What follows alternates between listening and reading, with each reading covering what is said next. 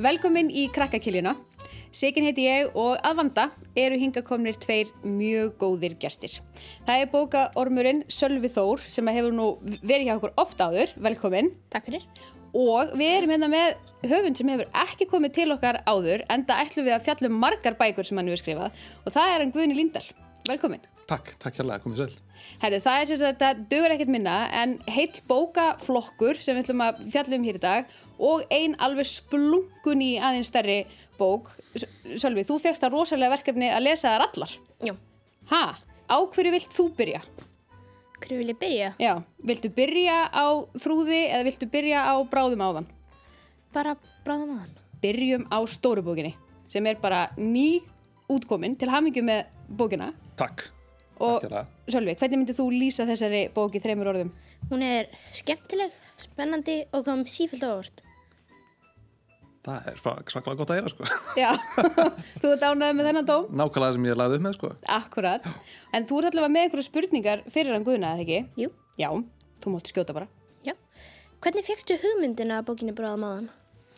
Sko, hugmyndin kemur í rauninni uh, 2018 í janúar, þá var ég að kenna handritskrif fyrir kvikmyndir út á Orkn eigum í Skotlandi, uh, sem er fyrir norðan Skotland, það er svona pínlítil eiga.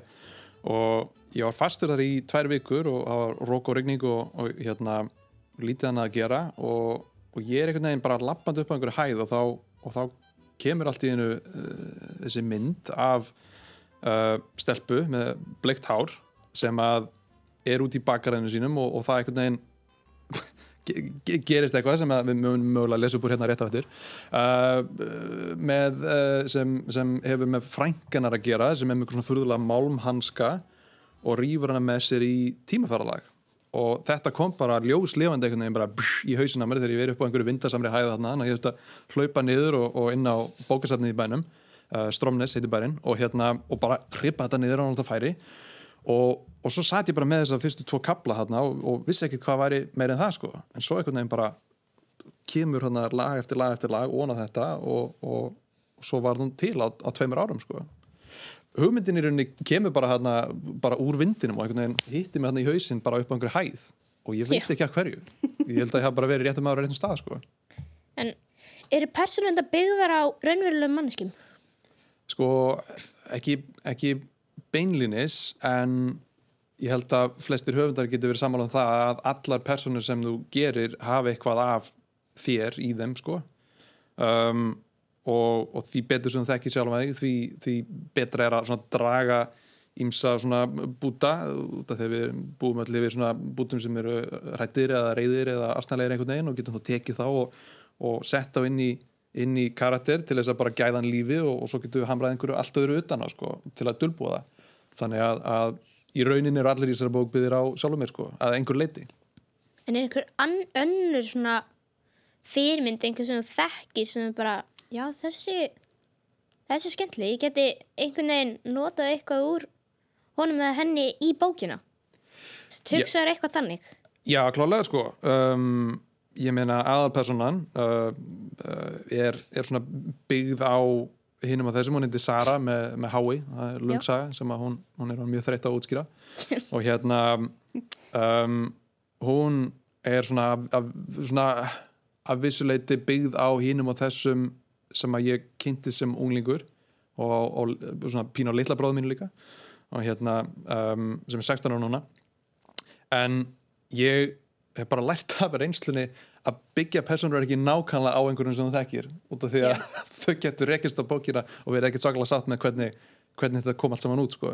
Já, um, þannig að, að klálega bútar af personunum eru teknir úr alvöru fólki og, og í rauninni sko það verður til þess að, að, um, þér finnst þetta að vera alvöru fólk að þannig, þú veist, fólk sem, sem virkar og Já, er trúverðið sko.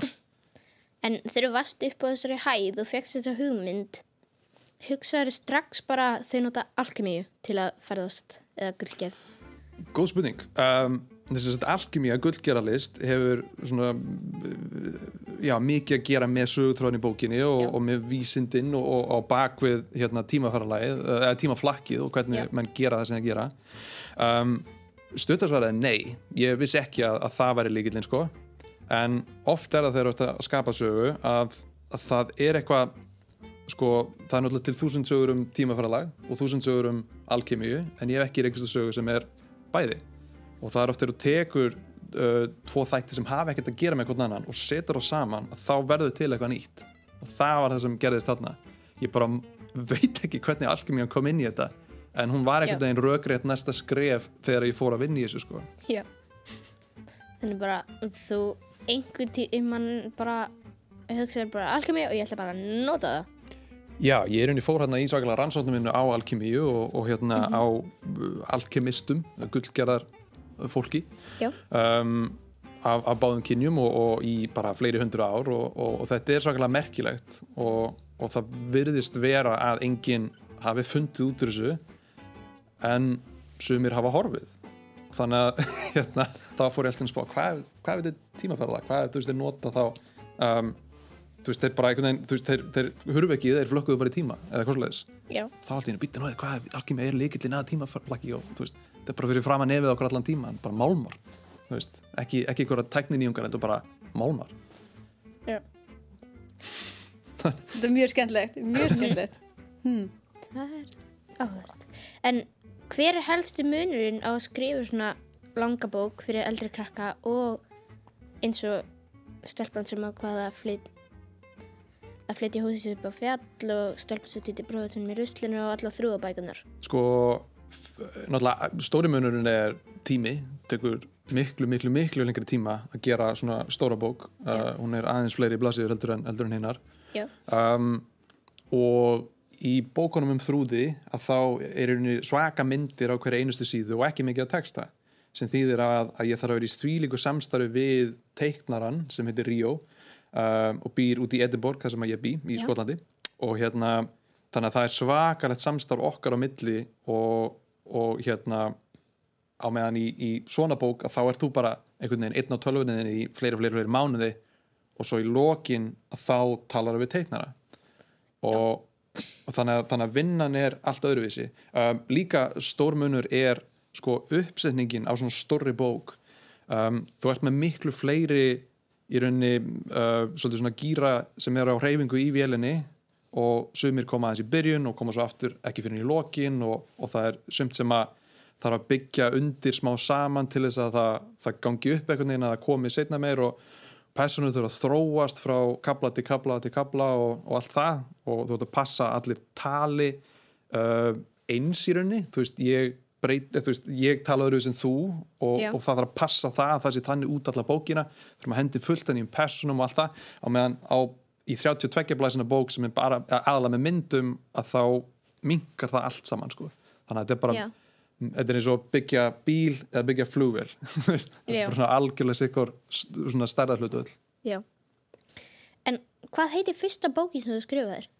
Fyrsta bókin heitir Ótrúlega ævintýri Ava Leitin að Blóðei Serían heitir Ótrúlega ævintýri Ava og þessi fyrsta heitir Leitin að Blóðei og hún kemur úr 2014 Hún er geggja skemmtilega sko, ég er búin að vera Já. svona geðvikt oft. Já, En hún fekk líka íslensku gaman með. barnabókaveluninu, ekki? já hún, hún hlýtur hann íslensku barnabókavelunin og, og hérna, ég, hérna sjaldan verið jafn gladur að þegar ég fekk það símtal og hérna, Já, ég trúi því, fyrsta bókin. Já, ég reyni, þetta var hérna miðan dag og, og fæ símtal og, og hérna og kærastan var búin að vera á nætuvakt og ég hljópin í rúm og bara hoppað á rúminu og þetta er hún valt út sko. þannig að ég, ég já, mjög glæður að fá það sko. og svo kom framhaldið henni út árið eftir sko. hérna, leindardómur Erfingjans Einmitt. sem var einmitt líka ótrúlega um til er Áttu það að vera tvær bækur? Uh, nei, í rauninni ekki sko ég meina ég bjóst ekkert vininu með fyrstu bókina ég, ég í rauninni kunni ekkert að skrifa bók eða eitthvað svoleiðis, ég settist bara niður og var eitthvað að gera og var með mentun í handriðskrifum við kveikmyndir en, en, en vissi ekkert um bókaskrif sko og, og gerði hana og sá þessa keppni og sendi í það og, og bara alveg bjóst ekki við neinu sko og svo allt í nú var hann komin út og hlaut góða viðtökur og þá langaði með að pröfa get ég, get ég haldið áfram með þetta og, og hérna og, náði því og aðeins stikkari og starri en, en hérna mjög skemmtilega líka Ö- öðruvísi með meiri. Já. Mikill efendur heimur. já, En hvað ertu búin að skrifa margar bækur? Bara alveg. nýju Nýju. nýju bækur. Ég er með tvær um ótrúlega efndir afa Já. þrjár um þrúði sem er hér bráðum áðan. Ég er með uh, hundurinn með hattin eitt og tvö, tvö var að koma út núna sem eru léttlæstar bækur uh, ja, bækur sem er létt að lesa, ég má ekki kalla það léttlæsbækur og hérna, og svo er það hérna, það koma norðan sem er hryllingsbók sem var skrifuð fyrir mentamálastofnun sem að verður til kennslu núna og ég fæ örgulega fullt af e-mailum frá reyðum fóröldurum út af því sko. Já, og við ætlum að fjallum hana síðar í vittur. heldur betur. Já, algjörlega. En hver er uppáhalds barnabókin þín? Góð spurning.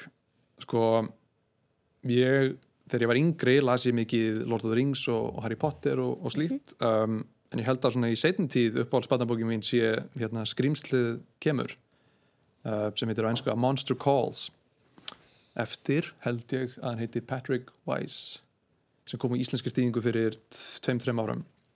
Um, og það gerir bíómynd eftir henni hérna með uh, Liam Neeson sem skrýmslinu þessum um reysastórt skrýmsli sem fyrir að ángra strák á nóttunni og, hérna, og hann veit ekki alveg hvað það er að gera það hann bara byrtist allt í hinn og er hann að reysastórt og er úr tré og, hérna, og hann svona smá sem hann lærir að, að takast á við þetta skrýmsli ásamt vandamálunum sem eru í hans uh, venjulega lífi og hans heimilislífi í rauninni í leiðinni Já. frábær bók, alveg bara algjör negla sko. Þekkir þú þessa bók?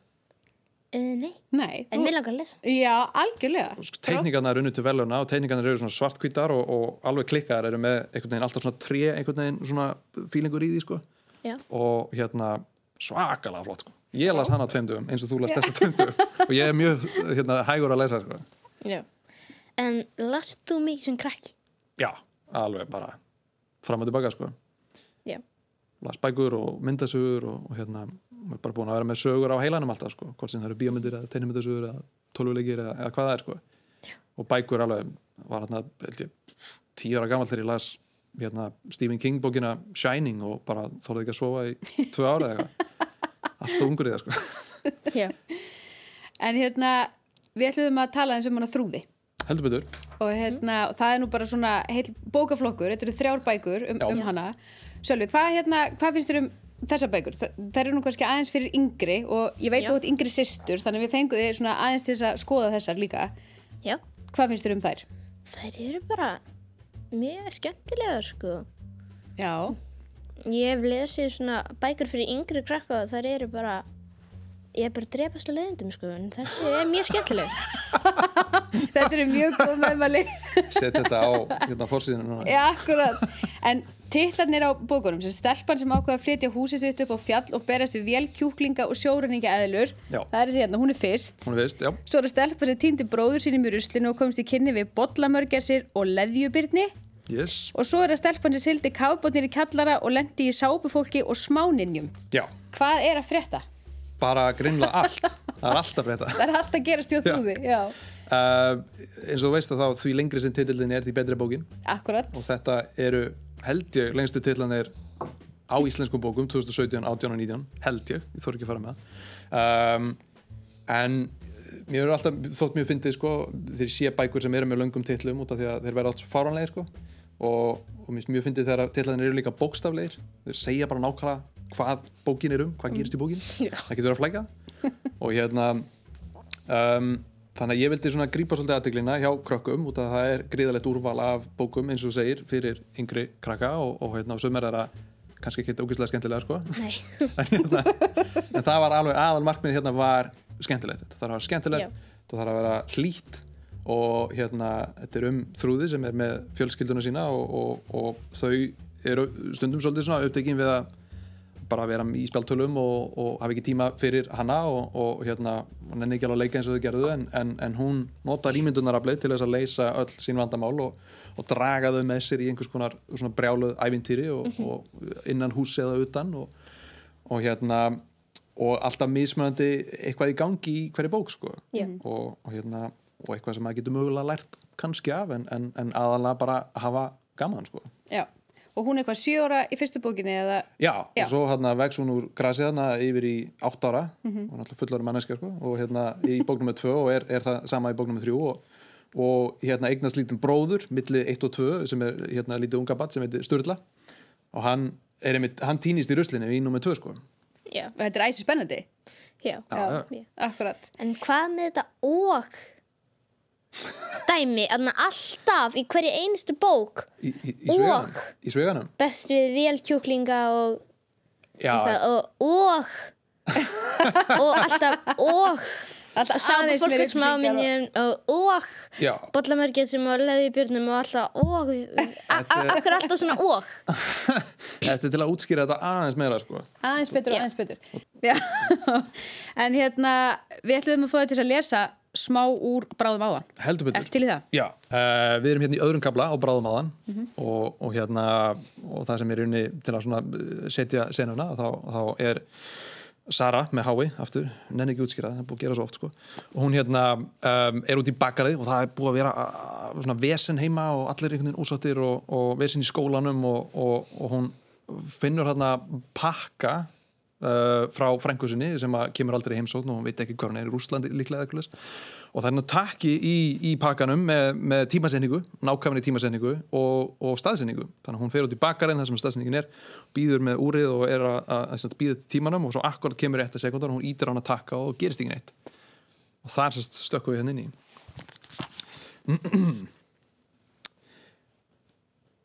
Ekkert gerðist Hún ítti aftur á takkan með sama árangri. Ekkert hljóð, ekki neitt. Ég vissi það. Sara stóð á fætur og hristi höfuðið. Rugl er þetta. Og þá gerðist það. Jörðin titraði, vindurinn þagnaði. Svo ripnaði bakarðurinn í tvent. Djúb gjá myndaðist svo snögglega að Sara náði ekki að bregðast við. Stóra greni treð gaf frá sér djúpa brakandi stunu og sökk ofan í jörðina með látum. Nálum og könglum ringdi yfir söru og hún bar fyrir sig hendurnar. Á augabræði kvarf tréð ofan í skarðið og gríðarlega stert raukt ljós að neðan lístu upp garðin. Sara var stjörf af óta. Jörðin hristist aftur, harkalegar í þetta skiptið og Sara misti undan sér fæturna. Gríðarlega háar drunur ómuði í næturkyrðinni og á sama tíma bjarst djúft neðan úr jörðinni háfaði sem hækkaði jamt og þjætt. Skyndilega var sprenging í skarðinu og eitthvað ótrúlega stort skaust á flegiferð upp í heiminin.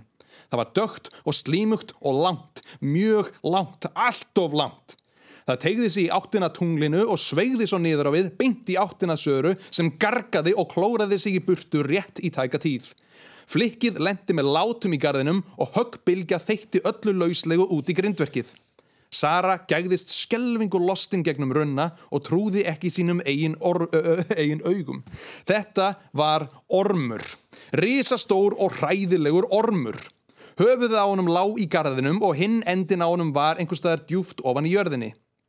Hún sá glitta í pínulík til augu en fyrst og fremst var henni starsýnt á tröllvaksin munnin fullan af slímungum tönnum. Ég myndi faðma þig en við höfum engan tím í það. Augljóslega, tók einhver til máls. Sara reys á fætur til að koma á auga á eiganda rattarinnar. Ormurinn lá hreyfingarlaus í grasinu, þannig að það var ekki hann. En rétt fyrir aftan hausinn satt manneskja í hnakki, haldandi í taum sem gekk upp í kjaftin á orminum. Hún var klætt í brúnan síðan leðurfrakka og stígvél með hvítt sítt hár langt niður á bak. Hanskardir hennar voru klunnalegir og virtust voru málmi. Hvert sem Sara leit á mútiringuna rak hún augun í fleiri málmhluti og andlitið, veðrað, alvarlegt, kunnulegt. Það gæti ekki verið. Elsa frænka, spurði Sara, gjössanlega forviða. Eftir hver er þetta býða heldur að hinn nakkurinn sem bara skraut á bak með þig? Elsa bent á hnakk fyrir aftan sig og gaut augunum í sífellu til himins. Svona nú! Á bak! Sara vissi ekki hvort hann var að dreyma en hann vonaði það. Stamaði ég! Á bak með þig! Ég er með hópa gúppum á hælunum og þeir eru ekki þetta til að spjalla! Gúppum!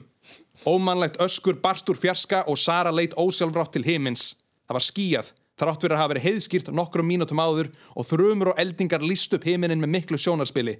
Sara fann hárin á hnakkanum rísa og hrollur skreið upp eftir öllum líkamslutum. Það var eitthvað handan við skíin. Eitthvað hryllilegt. Da, það da, endar. da. Þetta er geggjað. Fyrir hvernig er þessi bók, Sölvi? Hvað, aldur? Já. Ég held bara, ég var einmitt að segja við mömmu í morgun að það veri yrgulega sögum myndi yrgulega finnast hana mjög skemmtileg og hún er sex ára, Já. þeir sem ekki vita. Vá, ok. Já. Þannig að það er alveg hægt að lesa þetta fyrir krakkar sem kannski trista sér ekki alveg strax að lesa svona stóra. Já, ég held, ég held bara að flesti geti lesið þetta nema þetta litli krakkar sem bara skilja ekki Já. Akkurat. Bara allir þeir sem hafa gaman að góðri æfintýra sög. Já. Já, frábært. En við komumst ekki lengra í dag. Þe- Þetta er bara komið og hérna, takk kærlega fyrir komuna. Til hamingju með bókina og bækurnar. Takk Sölvi fyrir að lesa fyrir okkur. Fyrir ykkur. Þá er krakka kilinu lokið í dag. Takk fyrir mig